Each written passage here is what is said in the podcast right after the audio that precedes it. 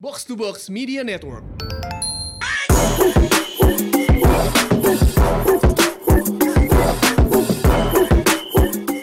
What up, what up? You're now listening to the most valuable basketball podcast in Indonesia, Box Out. Ini sesi time out. Uh, seperti biasa dipandu gua Rana Ditya Alif. I got my usual cats in the house. Amar Gill, what is up? What is up, my man? Yo, Amar, gue dengar lu bermain ke podcast sebelah ya belum lama ini.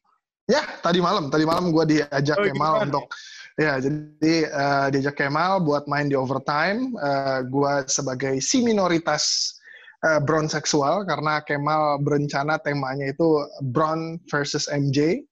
Eh, Mhm. Di situ tapi lebih banyak karena banyak pecinta Kobe Bryant ada juga beberapa pembahasan yang bawa-bawa Kobe Bryant.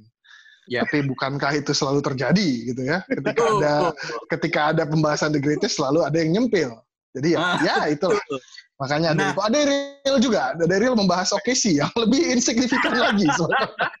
Lebih niche lagi ya. Dalam Ya. semangat Ramadan, eh, mereka semua pandangannya ada yang lu mualafkan atau enggak? ada beberapa yang akhirnya eh, kebebalannya cukup cukup melunak ketika berbicara. Nah, mungkin bisa didengar. Dengarkan juga overtime. Khusus ada saya. yang lainnya nggak usah, dengerin box out aja.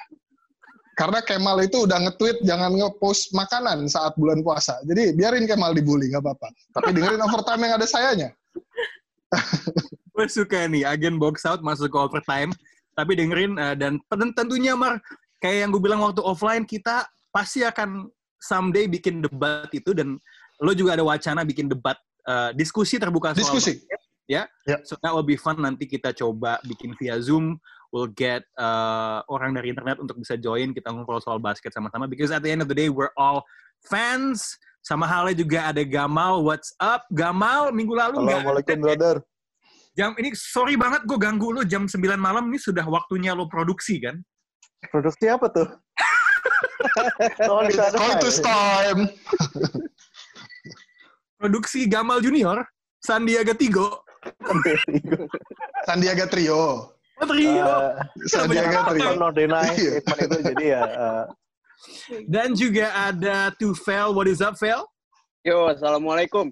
Waalaikumsalam. Ustadz Tufel gimana penulisan eh, kultum box to box bertema basket sudah sejauh apa Sudah ada draftnya, cuma masih under revise. Dikit-dikit Oh, lah. Baik baik. Ingat kadar islaminya itu tolong selalu ditingkatkan ya. Insya Allah, insya Allah. yes. Last but not definitely least ada Mutia what is up?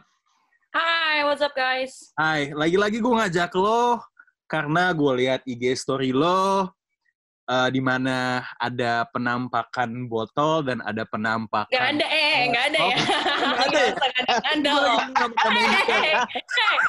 Botol Gatorade mungkin, warna Michael Jordan. Kalau gue ya. air-. Nggak oh, hey, botol sambal. Oke, tapi in there, in there, gue lihat. Ah, ah. sepertinya eh, layaknya anak basket di mana pun mereka berada yang punya Netflix, lu sedang nonton Last Dance Part 3 and Yes. 4. Ya, dan itu yang kita bahas karena gue pingin banget eh, seperti binge mode ringer kita selalu ngebahas perkembangan setiap episode dan episode ini Mar it's all about episode 3 at least itu tentang Dennis Rodman dan empat sedikit tentang Phil Jackson tentunya. Um, what was your first take after after watching the episode? Karena kalau ngomongin ini, gue tadi habis lihat podcastnya The Ringer, uh, Bill Simmons, di mana dia sebenarnya nggak terlalu impress sama episode yang Rodman. Dia bahkan sampai bilang Dennis Rodman tuh tidak interesting sama sekali. Nah, where do you stand on that, Mar? Ah, menurut gua justru episode 3 adalah episode yang menarik ya ketika lo bisa ngelihat bahwa ini ada eh, di dinasti Bulls eh, periode kedua ada ada ada missing puzzle-nya mereka yang yang diisi oleh seorang pemain yang sangat kontroversial eh, menolak untuk menjadi mainstream ketika saat itu komisioner NBA adalah seorang yang sangat stern, David Stern dan dan eh, apa yang dia lakukan menurut gua justru menjadi keunikan tim tersebut gitu loh. Tim tersebut kita udah tau lah dari awal eh, Jerry Krause menentukan untuk memecat Doc Collins dan menjadikan Phil Jackson sebagai pelatih utama, kita udah tahu ada pilar utamanya tuh tiga. Phil Jackson, Michael Jordan tentunya, dan Scottie Pippen. Eh, tapi begitu kita masuk ke periode berikutnya, mereka membutuhkan uh, seorang yang mempunyai versatilitas dalam soal defense, uh, mereka membutuhkan energi, dan itu juga sebenarnya terjelaskan di episode 3, di mana ketika Scottie Pippen masih enggan untuk bermain, uh, peran peran Dennis Rodman lah yang dalam tanda petik mengganti in terms of energy di tim itu gitu loh. Jadi jadi menurut gua pembahasan yang cukup menarik juga ada uh, selipan pembahasan-pembahasan hal-hal yang cukup kontroversial dari seorang Dennis Rodman di mana dia udah merasa worn out dan dia membutuhkan liburan dan lain-lain. Menurut gua menurut gua lu tidak akan bisa membahas Jordan ataupun Bulls periode kedua tanpa lo membahas seorang Dennis Rodman kalau dari segi pemain, tiga pemain itu adalah pemain yang utama. Mungkin lo tidak akan perlu untuk membahas Luke Longley, lo nggak akan perlu membahas Steve Kerr, lo nggak akan perlu membahas uh, pemain-pemain lain seperti Tony Kukoc.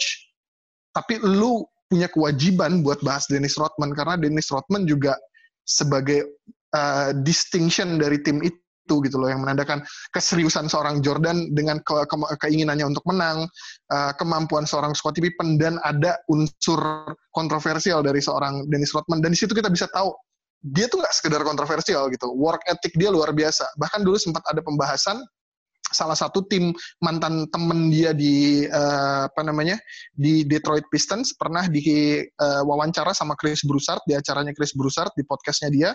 Dia tuh menjelaskan bahwa pada saat itu pemain Detroit Pistons tuh lagi pada main judi malam-malam Dennis Rodman cabut ke lapangan ke gym buat latihan rebound. Jadi menurut gua di sini kita bisa melihat bahwa sisinya Dennis Rodman adalah ini tuh pemain yang benar-benar punya determinasi yang tinggi. Dan kemarin juga kan dijelasin juga sama Michael Jordan ketika mereka lagi di dalam tanda panik, uh, dalam tanda petik dipunish untuk conditioning, membantu conditioning Dennis Rodman. Dennis Rodman sendiri yang paling bandel tetap lari paling depan duluan gitu loh. Jadi menurut gua ini ini salah satu spesimen unik juga di NBA yang menurut gua wajib banget buat kita bahas. Nanti mungkin kita, bakal ngomongin lebih detail soal aktivitas ekstrakurikulernya Rodman ya. Tapi kalau ngomongin di Rod, um, Tufel, Ya, uh, kayaknya dia sempat ngeluarin statement di media kemarin kalau there is no championship without Dennis Rodman. Dan kalau nggak salah, Draymond Green juga sempat ngomong hal yang senada. Do you stand by that statement, Vel?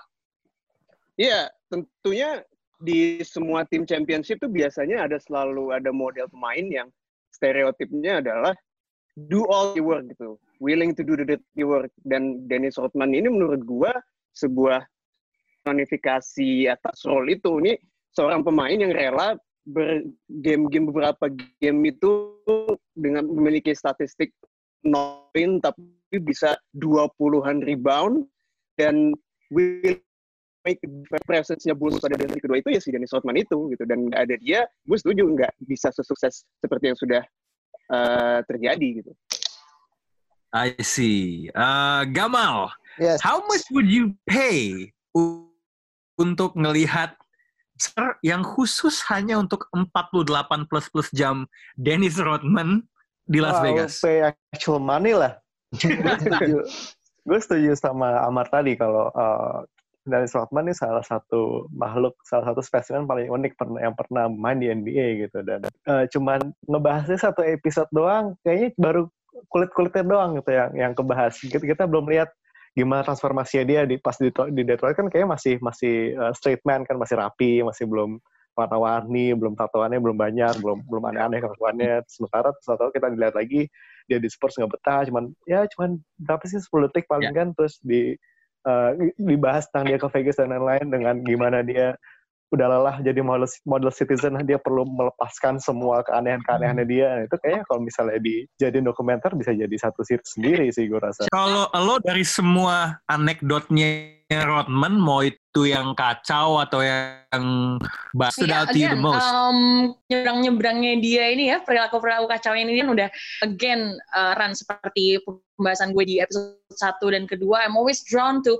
um, human side of the players gitu kan. Uh, I, I look up to Pippen, so uh, kemarin tuh di episode satu dan dua gue begitu begitu bahagianya, begitu how he come from zero. So um, I think it's it as well. Dia ini kan ya gitu man 90s aku penyeberangnya dia dress drugs dia um, dan in on and off sama sama celebrities juga gitu ya kita lihat eh, apa um, hancurnya dia gitu ya. One of the most fascinating human juga uh, ever existed I think in the entertainment industry in the sports industry. I think no one can be as close to in terms of like maybe visual appearance um, dan uh, ya mentalnya dia juga gitu kan ya. Um, ya yang satu yang gue ingin highlight pun itu uh, balik um, cerita-cerita dia yang menarik secara visual ibarat kata kan? Tapi dia ini pun juga kan um, we cannot shy away from the fact that he also historically he's got mental issues juga kan? And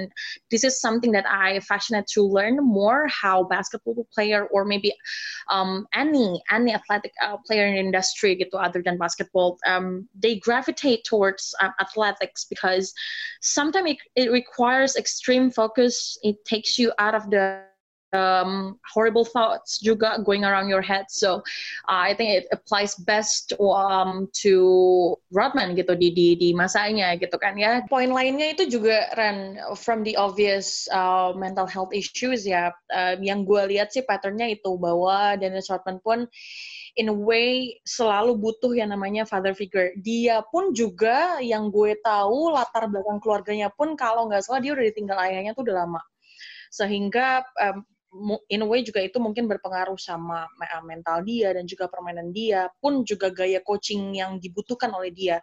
Dia dapat itu di Pistons uh, saat dengan Chuck Daly. Nah, kita bisa lihat transisinya saat dia di Bulls. Um, I don't think he had he had that guts, someone who can um, who he can look up to. Nah, uh, jadi kita bisa lihat adapt adaptasinya di situ.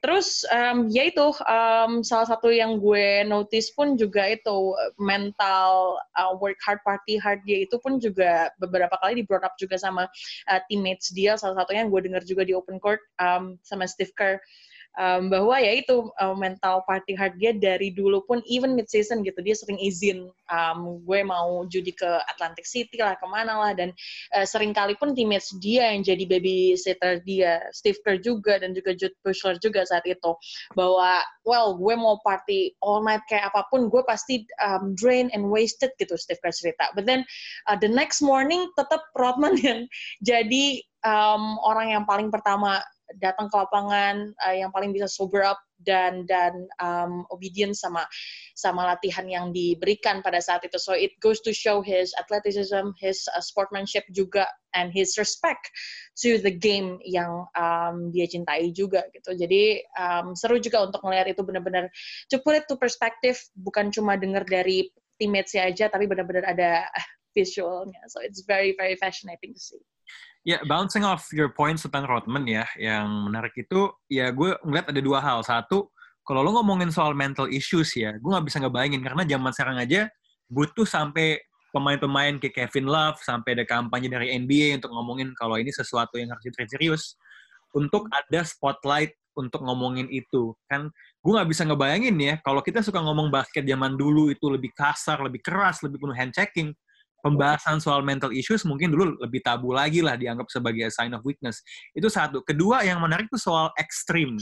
Soal yang lo bilang tadi soal work hard, party hard. Kayak nggak ada di tengah-tengah. Itu ekstrim, itu ekstrim. Mar, kalau menurut lo ya, kalau kita mencoba mengandai-ngandai nih, Hmm. Dennis Rodman itu akan menjadi pemain yang lebih hebat atau enggak menurut lo? Kalau seandainya dia nggak dia nggak party hard, kayak di, di kayak do you think from karena gini ya obviously kalau lo mabok-mabokan atau apa itu akan mempengaruhi performa lo sebagai seorang atlet nyatanya Rodman tetap gila performnya but knowing what alcohol does to you menurut lo dia akan menjadi pemain yang lebih hebat kalau seandainya nggak begitu atau justru karena dia bisa rilis seperti itu dia jadi pemain yang hebat? Like like how do you see it, man? Kalau disuruh mengandai-andai.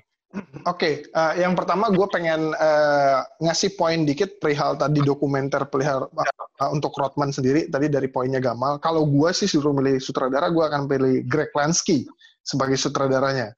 Greg Lansky itu sutradara sekaligus CEO-nya uh, Black, uh, dan lain-lain. Sinem sinematografinya bagus, cara dia mengambil angle-angle juga cukup bagus dan untuk untuk untuk scene-scene partinya yang bagus karena ada black roll. Jadi menurut gue itu bakal keren banget. Jadi catat Greg Lansky. Lo harus banget mempertimbangkan Greg Lansky jadi sutradaranya. Oke. Okay. Perihal perihal berikut yang tadi lo tanyain just now menurut gua ini akan akan gini ini ini perbedaan generasi. Dari bagaimana lu menempuh kehidupan lo dari kecil mental lo terbentuk lingkungan lo seperti apa pemain-pemain yang kalau misalnya Dennis Rodman ada di sekarang gua rasa mungkin perangai dan perilakunya mungkin akan berbeda. Kalau lo perhatikan pemain-pemain sekarang setengil apa pun mereka akan sadar bahwa ketengilan gua tidak akan memberikan gua back yang isinya uang yang penuh makanya mereka itu sekarang akan akan lebih pragmatis soal bagaimanapun gue harus secure the back dulu gitu loh. Uh, perihal perangai gue akan seperti apa itu itu mungkin nanti akan akan akan bisa gitu loh. Kalau kita misalnya lihat uh, pemain-pemain ya kalau kalau misalnya kita bilang uh, perangai soal uh, judi, party dan lain-lain, kita bisa ngeliat yang banyak banget yang fail kan di Allen Iverson dan bahkan Allen Iverson sempat benar-benar jatuh miskin gitu loh. Tapi kalaupun dia ada di sekarang, gua rasa itu akan sulit untuk mengkomparasikannya dan dia juga mungkin akan perangainya berubah dan kalau misalnya dia ada di konteks uh, benar-benar di sekarang dia dengan perilaku seperti itu, dengan sanksi yang sebenarnya uh, lebih berat dari tim itu sendiri, ini agak bakal bakal repot gitu loh buat buat karirnya dia.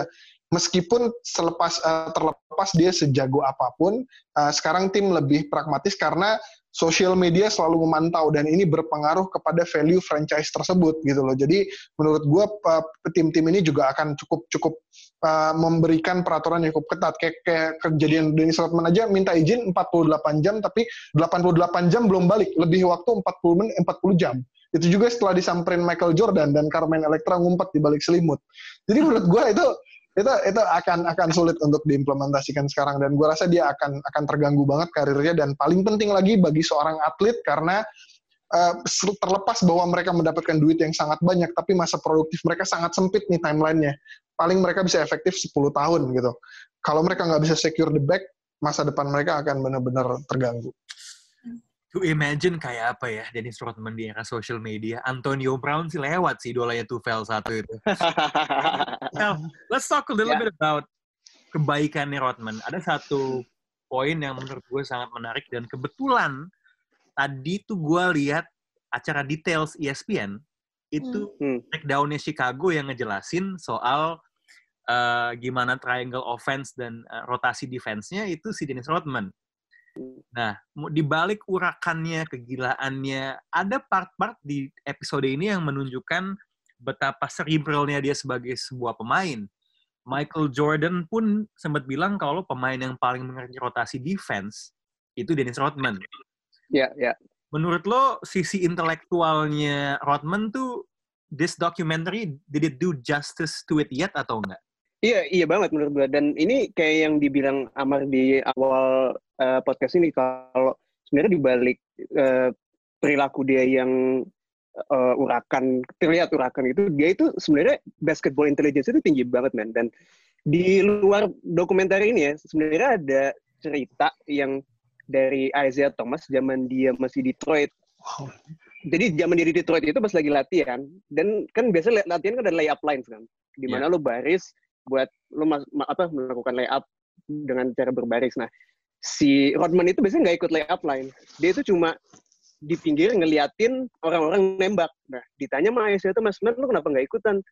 Oh, enggak, gue cuma ngeliatin long shoot doang. Karena dengan dia menganalisa orang-orang shoot, dia bisa ngeliat rotasi bola setiap orang itu gimana, dan pantulan dari bola itu nanti kena ring jatuh di poin mana, dia itu tahu gitu. Dan di episode ini kan juga dijelasin kan, sempet dia ada satu momen dijelasin, gue tuh tahu kalau misalnya rotasinya tiga kali putar dan bunyinya klik, nanti akan bolanya ada di sini. Terus misalnya ada klik di kiri, pantulannya akan di kanan. Dan dia tuh juga on record tahu pemain-pemain bintang tuh tembakannya rotasi bola itu berapa kali. Misalnya Larry Bird, Larry Bird tuh kalau nembak bolanya muter tiga kali. Yeah. Kalau misalnya Asia Thomas tuh tiga setengah kali. Yeah. Dan itu menurut gua sisi intelektual yang yang emang sempat di highlight di episode itu, tapi dengan anekdot yang lain di luar ini sebenarnya masih banyak lagi gitu. Ya, mungkin juga kalau dulu dia ada di pertandingan Eastern Conference semifinal antara 76ers sama Raptors, dia tahu ya, empat kali mantul pasti masuk tuh bola ya. Yes, yes. Gitu begitu pantulan pertama dia udah jalan kalau keren udah udah nggak bakal udah tahu bakal masuk. Selain selain uh, tahu angle rebound juga banyak yang bilang dia one of the best on ball defenders. Yes, yes, yes. Uh, Gamal, did you see enough of his defense di dokumenter The Last Dance? Uh, cukup cukup uh, ngelihat footage footage-nya di ya ini juga uh, balik lagi ini era yang berbeda kan di mana dulu defense lebih keras dibanding sekarang gitu. Hmm. Nah, sempat juga dibahas tentang Jordan Rule di mana tiap kali Jordan uh, drafter basket langsung pasti semua orang di di bisnis berusaha untuk jatuhin karena kalau misalnya dia sampai mengudara itu ya udah it's uh, Yeah. udah no man's land udah udah nggak bisa Yeah. gitu kan. Nah uh, di sini liatin gimana uh, jeniusnya si si si Rodman ini gimana dia bisa shutdown orang-orang gitu.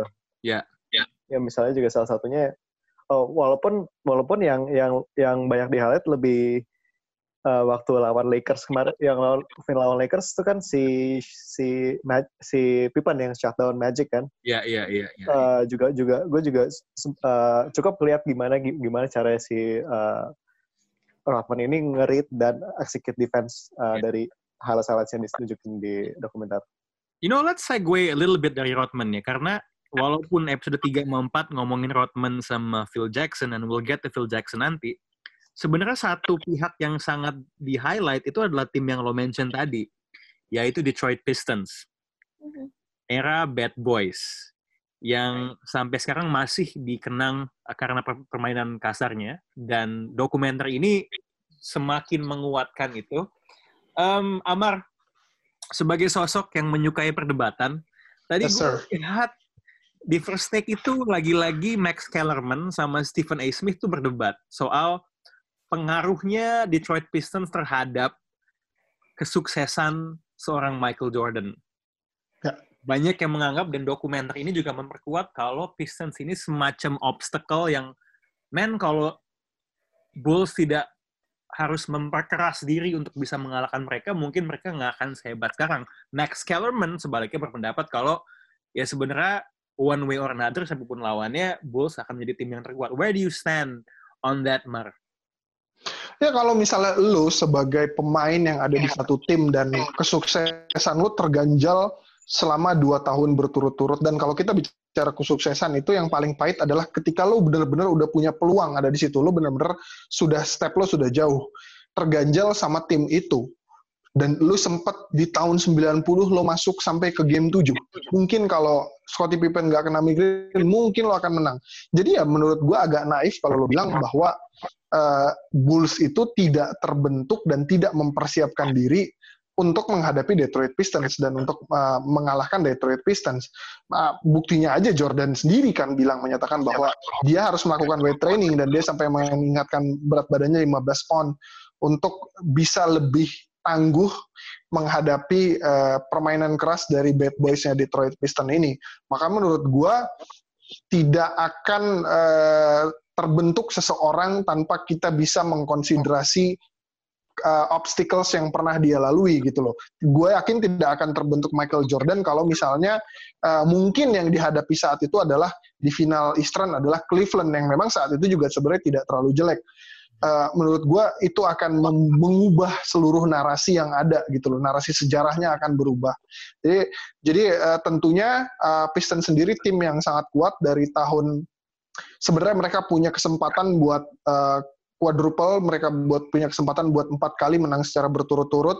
Ya. Cuman di tahun uh, 88 mereka uh, gagal, tapi akhirnya di 89 dan 90 mereka berhasil dan 91 akhirnya gagal juga sama Chicago Bulls yang konstruksi timnya juga udah siap gitu loh buat menghadapi permainan kerasnya si Bad Boys. emang tim juga satu dengan yang lain terkadang masalah momentum tim mana yang lagi peak. Tapi I think Pistons ini kalau kita lihat uh, timnya di luar permainan kasarnya, that's that's a pretty deep team ya sebenarnya.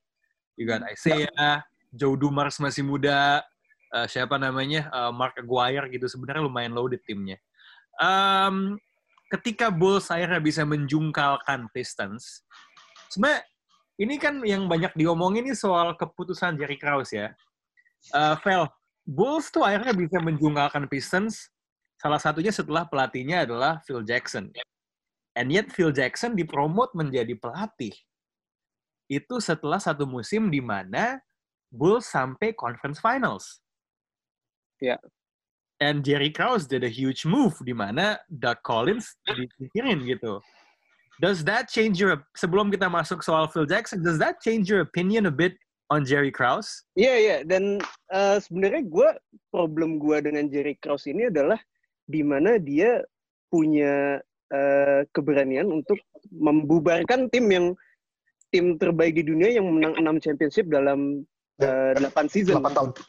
8 ya, dalam 8 tahun. Tapi gue tidak uh, menolak kontribusi dia selama dia menjadi GM-nya Bulls untuk menaruh pieces yang uh, pieces yang tepat untuk hmm. membuat Jordan ini lebih sukses dan menurut gue keputusan untuk naikin Phil Jackson, seorang asisten untuk jadi head coach setelah tahu kalau misalnya ada asistennya dia si Tex Winter itu, hmm. one of the best offensive minds in basketball pada saat itu, punya sebuah filosofi triangle offense yang waktu itu mungkin belum ada yang ngeran gitu. Hmm. It's a gutsy move, man. Itu ballsy banget lo naikin orang head coach buat ngeinstal satu offensive system yang membuat bola itu yang biasa di tangan Jordan jadi disebar ke pemain-pemain lain. Uh. Itu Jordan pun bilang kan, eh, gue pengen bola di tangan gue pada saat uh. itu. Gue yeah. gue nggak buy in sama Phil, sistemnya Phil Jackson.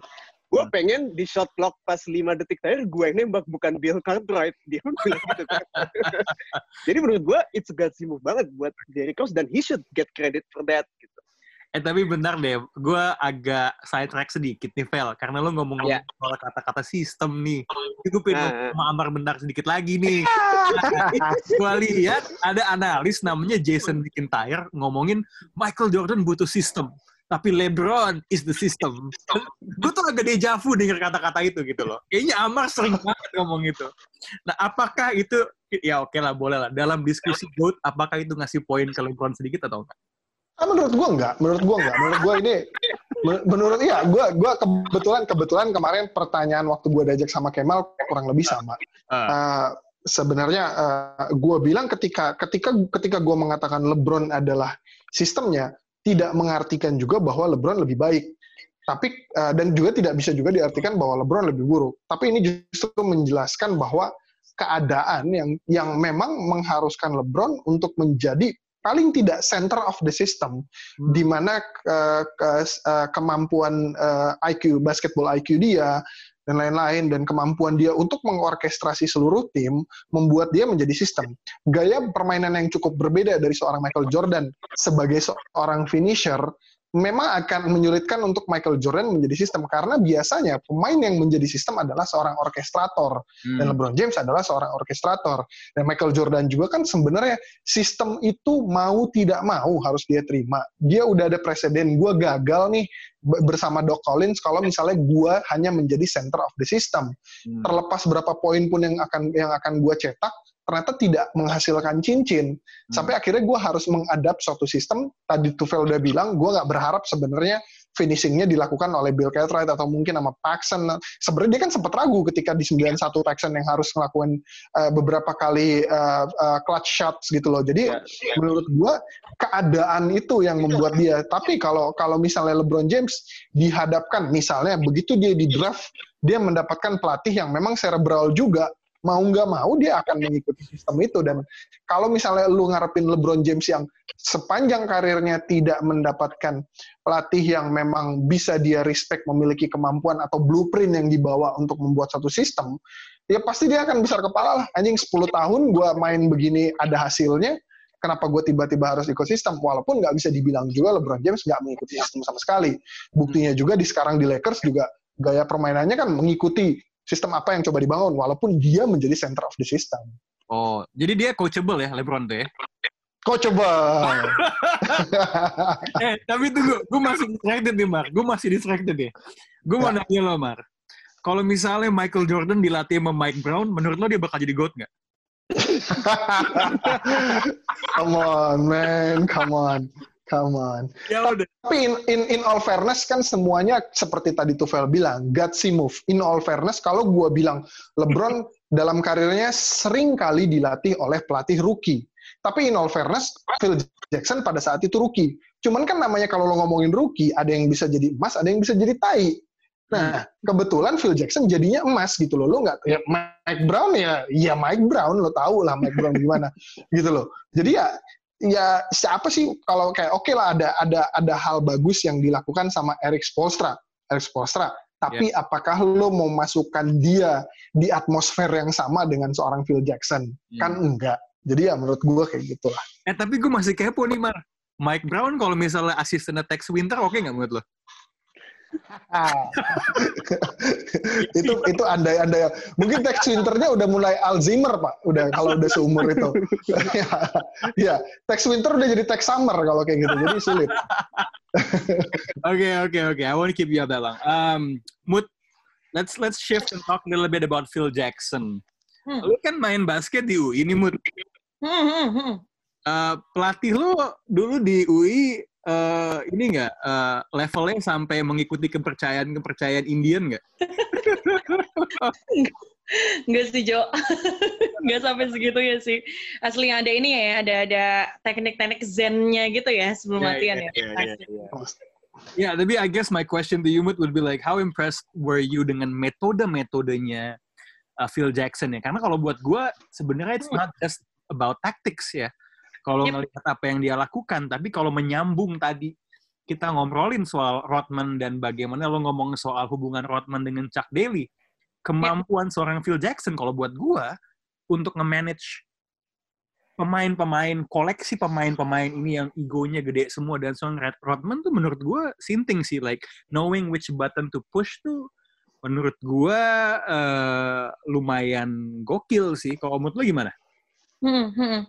Setuju. Dan um, menurut gue sih itu pun juga uh, nggak bisa lepas juga kan dari kombinasi para pemainnya juga Uh, yang kita lihat, at least yang gue lihat dan bisa gue interpretasikan kan dinamika mereka ini kan uh, even Rodman sendiri kalau kita mau vocal pointnya Rodman dan bagaimana uh, dia bisa menilai Phil Jackson sendiri kan um, again um, he's one of the best on ball defender juga sehingga dia pun juga diandalkan urusan rotasi urusan um, triangle offense. Dia um, most of the time we can say dia jadi ibarat kata kepala segitiganya itu ya kan? Sehingga uh, kepercayaan ada di situ and it's not a uh, easy task juga um, menggabungkan um, apa um, pri- pribadi-pribadi mereka ini pemain-pemain star-studded players yang ada di Bulls ini uh, yang punya gaya mereka sendiri gitu dan juga ga- yang punya ego mereka sendiri. Phil Jackson sendiri yang gue lihat sih it's a combination of the players dan combination of coach team yang ada di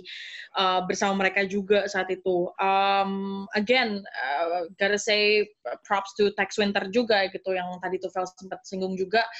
Again, dia salah satu think tanknya juga urusan uh, defense machine dan juga urusan ofensifnya juga seperti apa sehingga itu juga mempengaruhi bagaimana Phil Jackson melihat para pemainnya. Yang gue lihat di sini pun juga um, salah satu monumental um, events-nya ya tentunya ya salah sa- ya itu uh, saat dia baru sorry saat uh, Bulls baru pertama kali akhirnya mendapatkan cincin itu kan kita bisa lihat transisinya di mana MJ yang sama Doc Collins ibarat kata the the whole system cater to what he needs gitu to win gitu kan. MJ sendiri sebagai sebagai um, roket paling depannya gitu kan. Ya nah sekarang transisi ke Phil Jackson sendiri bagaimana? Eh nggak bisa gitu. Kita harus uh, teamworknya harus jalan rotasi pemainnya pun juga harus jalan.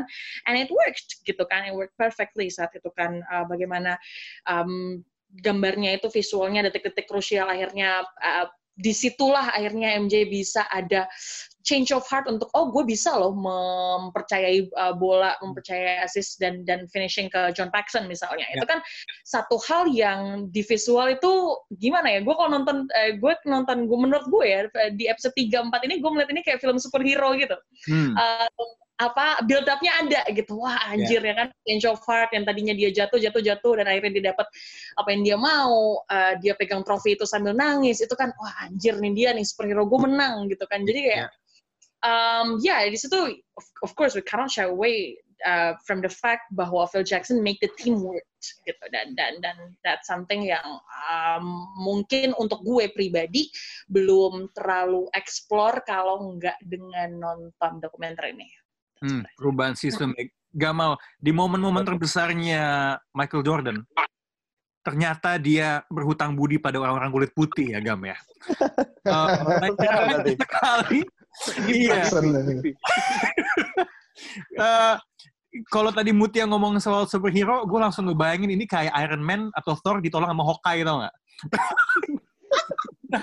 Gam, uh, Gam uh, dengan setelah melihat dokumenter ini di list of all white team lo sepanjang masa nama John Paxson tuh agak naik nggak? Udah lama nih nggak dengan What Grab the Week aja. John Paxson eh uh, dia nggak nggak se nggak setinggi Steve Kerr lah yang dia sempat menyelamatkan ini kan uh, maksudnya momennya itu lebih lebih pas lagi kan Steve Kerr sama waktu di Bulls itu gue lupa tahun berapa Hmm. Yang akhirnya dia juga speech katanya uh, I uh, I save uh, Michaels and Scotty's ass gitu kan yang di di, di parade itu kan juga ada tuh. eh, tapi kalau gue mau nambahin poinnya Mutia tadi soal coaching, uh, gue setuju sama Lauren. Uh, maksudnya Phil Jackson ini mungkin kalau kalau soal triangle kan sebenarnya yang arsiteknya adalah si Stax Winter kan. Sementara kalau Phil Jackson lebih uh, coach kan tuh ada ada tipe-tipenya. Ada yang emang yang yang motivator yang yang yang dia bisa ngatur gimana pemain-pemainnya. Oke okay sih ini uh, tipe seperti ini gimana cara gue bisa bring out the best dari dia. Ada juga yang kalau yang zaman sekarang kayak lebih banyak yang XNO kan kayak misalnya kayak Dwayne Casey kayak misalnya si uh, Mike Budenholzer gitu-gitu kan mereka lebih lebih ke XNO kan dibanding yang kayak Doc Rivers atau kayak uh, Phil Jackson sendiri. Yeah. tapi uh, Phil Jackson ini pas gitu gue rasa uh, di zamannya gitu. Karena kita kita udah ngelihat juga dia sukses di Bulls dia sukses di Lakers terus ketika dia akhirnya uh, sempat coaching the next kan itu ancur-ancuran kan. Ya, salah satu yang gue baca di situ adalah kenapa dia gagal karena filosofi cara filosofi coaching dia itu udah nggak cocok sama pemain-pemain zaman sekarang. Dan itu juga terjadi nggak cuma sama Phil Jackson mungkin kayak uh, si George Karl waktu zaman-zaman era 2000 awal dia sempat coaching Nuggets kan lumayan sukses terus ketika dia the Kings itu ternyata banyak banyak teknik-teknik yang backfire yang uh, ternyata filosofi filosofi yang dulu berhasil di tahun 90 uh, 80 2000 awal itu berhasil sekarang tuh udah nggak udah nggak bisa dipakai lagi ternyata. Oke, okay, that's interesting ya karena kalau kita lihat kalau George Karl kan dia disciplinarian banget kan. Betul. Sedangkan kalau Phil yang kita lihat dari cara dia menangani pemain-pemain tertentu tuh justru memberikan keluasaan gitu kan. Dennis Hmm. Rodman aja dikasih cuti gitu walaupun mungkin di kontraknya ibaratnya kalau pegawai dia belum belum punya klausul untuk bisa cuti kayak gitu ya. Dia.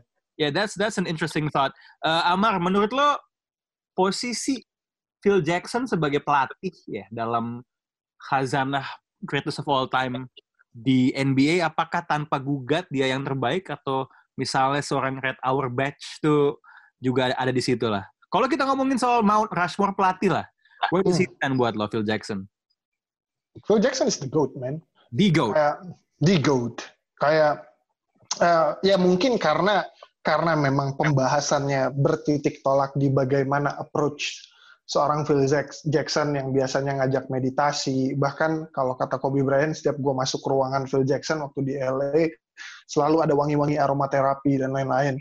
uh, uh, tapi memang karena titik pembahasannya itu gitu loh. Memang karena ada ada isu pembahasan bagaimana Tex Winter mengin, ya, menginvent, uh, menemukan uh, triangle offense, kita langsung ada tendensi untuk berpikir bahwa oh ini karena perannya seorang Tex Winter. Tapi pengembangan tri tri triangle offense uh, yang masih yang sampai menjadi 33 posisi offense itu dilakukan oleh Phil Jackson juga. Dan Hmm. dan apa yang dia lakukan itu stepping up si uh, triangle offense menjadi suatu uh, senjata yang sangat tidak terkalahkan. Dan buktinya uh, sebagai pelatih minim sekali kegagalan dia. Karena kayak tadi Gamal sebut di New York Knicks New York Knicks itu dia tidak bisa kita bilang sebagai pelatih karena uh, dia uh, langsung waktu itu menjadi President of Basketball Operation dan lain-lain. Jadi dia tidak tidak sempat melatih dan uh, apa yang dilakukan oleh seseorang yang mendapatkan 11 cincin sebagai pelatih menurut gua uh, tidak bisa terbantahkan karena dilakukan di kedua era yang cukup berbeda. Di era 90-an dan di era 2000-an, bahkan sampai ke 2010-an kalau kita lihat cincin terakhir dia bersama Lakers. Uh, dan dan dia adalah seorang pelatih yang sangat cerebral gitu loh. Jadi ketika kombinasi kepintaran lo, kemampuan psikologi lo untuk mendekati pemain, mengetahui bagaimana dan apa yang dibutuhkan pemain tersebut, uh, lalu uh, pengembangan taktik yang lo lakukan dan call-call yang dilakukan di saat-saat krusial yang sebenarnya kayak tidak dimiliki oleh seorang Mike D'Antoni itu menurut gua menurut gua adalah hal yang yang yang luar biasa yang menjadikan dia menurut gua the greatest of all time dia kayak sebagai contoh bukan cuma Dennis Rodman yang pernah dia jenakan, seorang Ron Artest pernah dia jenakan. Dan Ron Artest menjadi salah satu pemain yang sangat penting dalam kunci kesuksesan Lakers di periode kedua dia melatih Lakers gitu. Jadi uh, menurut gue dia harus ada di nomor satu. Sisanya kalau kita mau memperdebatkan di dua dan tiga uh, itu ada di Oberbach dan Popovich, itu menurut gue bisa pintu perdebatannya bisa dibuka. Tapi gue siap untuk berdebat dengan siapa pun bahwa dia itu undisputed menjadi nomor satu, the greatest of all coach. Let's, uh, Fel, let's talk a little bit tentang si triangle offense ya. Karena Yeah. lo kan suka X's and O's sih anaknya. Yes. Um, itu sistem yang uh, dikembangkan sama Tex Winter uh, dan sempat gue inget tuh pembahasannya adalah dulu di tahun 90-an zone defense itu dilarang. Padahal itu taktik yang dianggap bisa jadi counter taktik buat triangle offense gitu. Yep. And yet, seingat gue kan akhirnya di tahun 2000-an zone defense tuh boleh lagi di, dilakukan. And yet, sistem triangle offense ketika diimplementasikan di Lakers, ya uh, bahkan di era di mana Kobe sudah tanpa Shaq, itu they still won anyway gitu. Hmm. So what what is so great about this tactic sih? Mungkin lo bisa ngejelasin dalam layman terms kenapa susah banget untuk di stop. Menurut gue sih inti utama dari triangle offense ini tuh adalah constant movement dari pemainnya yang menghasilkan ultimately menghasilkan spacing. Hmm. Dan poros utamanya kan dari namanya triangle offense itu akan ada istilahnya di strong side of the court yaitu posisi di mana bola itu ada apakah di kanan atau di kiri itu biasanya ada ada tiga pemain yang membentuk segitiga. Yeah. Ini ibaratnya kalau di bola tiki taka lah kan bisa Uh, bergerak triangle dalam- passing. Yes, Uh, triangle mereka kan passing. benar. umpan-umpan pendek ya, tapi mereka juga setahu gue dalam shape bikin segitiga juga. Yes.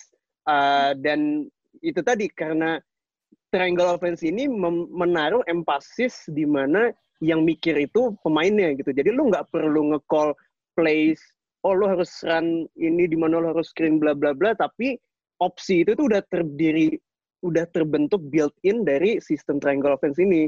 Hmm. Jadi di inisiatornya misalnya di wing kanan, Hmm. center, small forward, point guard, point forward, power forward itu udah ada udah tahu posisi mereka masing-masing dan opsi yang ada di situ juga banyak. Misalnya dari misalnya Jo- Jordan bawa di wing kanan dan ah gua kayaknya menurut gua defense ini ngasih ke gua open untuk uh, cut di weak side. Ya. Jadi dia ngasih ke weak side dan itu ada cutting dan itu pun nggak berhenti dari situ setelah ada opsi itu begitu itu tidak terjadi bis kalau lo balikin lagi itu ada counter opsi lagi jadi Ya. ini lebih mengempasiskan decision ada di pemain dan multi opsi itu yang bikin defense tuh nggak ngerti sebenarnya apa yang akan datang di tri- triangle offense ini Gue mau nanya deh, off the ball movement ya, kalau lo ngomongin soal constant motion, menurut lo lebih Yeah. hebat triangle offense zaman Bulls atau constant movementnya tim kayak Golden State? Nah, ini sebenarnya kalau di Golden State itu constant movement-nya lebih kita nih lebih meng- menghebatkan constant movement Golden State karena adanya gravitasi yang dimiliki sama Stephen Curry sama Klay Thompson. Hmm. Menurut gua, kalau di Golden State itu nggak punya Stephen Curry, ball off off Lebih ball movementnya nggak seseksi itu gitu. Iya, iya, iya. Karena ada, ada gravitasi yang sangat kuat di Curry aja kita melihat off, Hmm. off ball movementnya oke nah tapi Malah kalau gue, sorry gue potong dikit bang. Malah kalau menurut ya, gue ya. kalau misalnya kalau misalnya kita mau ngomongin komparasinya yang paling sesuai ball movement tapi tanpa ada tarikan gravitasi dari shooter, justru menurut gue Spurs adalah sampel yang Yes. paling cocok. Oh iya. yes benar-benar ini ya peak ya 2013-14 ya. yap yap yap ya, dan ya, ya, setuju. kalau dibandingkan dengan triangle offense justru off ball movement ini core dari offense lo ini Shaq Shaquille O'Neal tuh pernah bilang di gue lupa di open court apa di inside di NBA kalau kalau lo main triangle offense lo harus siap cut. Dan cutnya tuh lo nggak boleh setengah-setengah gitu.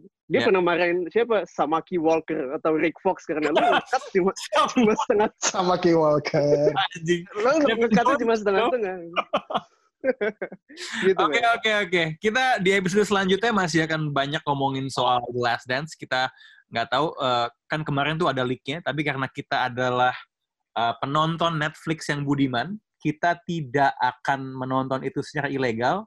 Dan ngomong-ngomong soal Netflix, gue juga mau tetap ngingetin lo karena nanti akan ada episode 3 dari drama audio Ramadan Pak Budi eh, akibat dari kecelakaan Pak Budi di minggu sebelumnya ternyata membawa berkah soalnya dua anaknya pulang ke rumah pas sudah ngumpul Pak Budi ngide mau bikin keluarganya hangat kembali seperti waktu istrinya masih hidup dengan renovasi rumah belajar renovasinya dari mana tentu dari acara Netflix lainnya The World's Most Ordinary Homes tapi apakah situasi kebersamaan ini akan bertahan lama? Apakah akan bertahan lebih lama dari dinasti bullshit tahun 90-an? We'll see di episode 3 drama audio Ramadan Pak Budi. Sekian pesan dari Netflix. Gue ada satu pertanyaan yang gak ada hubungannya fail dengan Ya. Let's Dance. Apa? Uh, distract-nya Aaron Gordon 9 out of 10. Lo sebagai pengamat hip hop, menurut lo flop atau hit? flop man total flop menurut gue Nih, pertama Hati ya parah ya. perta- pertama pertama lo kalau bikin distract mending lo gak usah pakai video men gitu distract yang udah terkenal nih di ranah hip hop itu semua murni audio dan Ya. kalau lo nambahin video di mana video lo, lo tuh lo pakai ming quotes pak dan lo di rumah lo nyantai nyantai Pakai wine-nya Dwayne Wade. it takes away from your lyrics man karena sebenarnya Yeah. distract itu utamanya ya liriknya itu Iya, lo Dan kedua- distract, tapi ter terdistract gitu ya. boleh bilang gitu. Nah, yang kedua, beatnya beatnya terlalu heavy man untuk sebuah distract gitu. Eh, Nadanya harus lebih minor lagi, harus lebih jahat lagi gitu. Nggak boleh ada apa dentuman beat-beat ala God's Plan-nya Drake gitu lah istilahnya. eh. Hmm. Oke, thank you for that, Fel. Udah itu aja Yoi. buat episode kali ini. Thanks, Fel. Thanks, Mar. Yoi. Thank you, thanks, Mutia. Thank you, CJ, yang udah mantengin. This is Time Out, and we are out of time.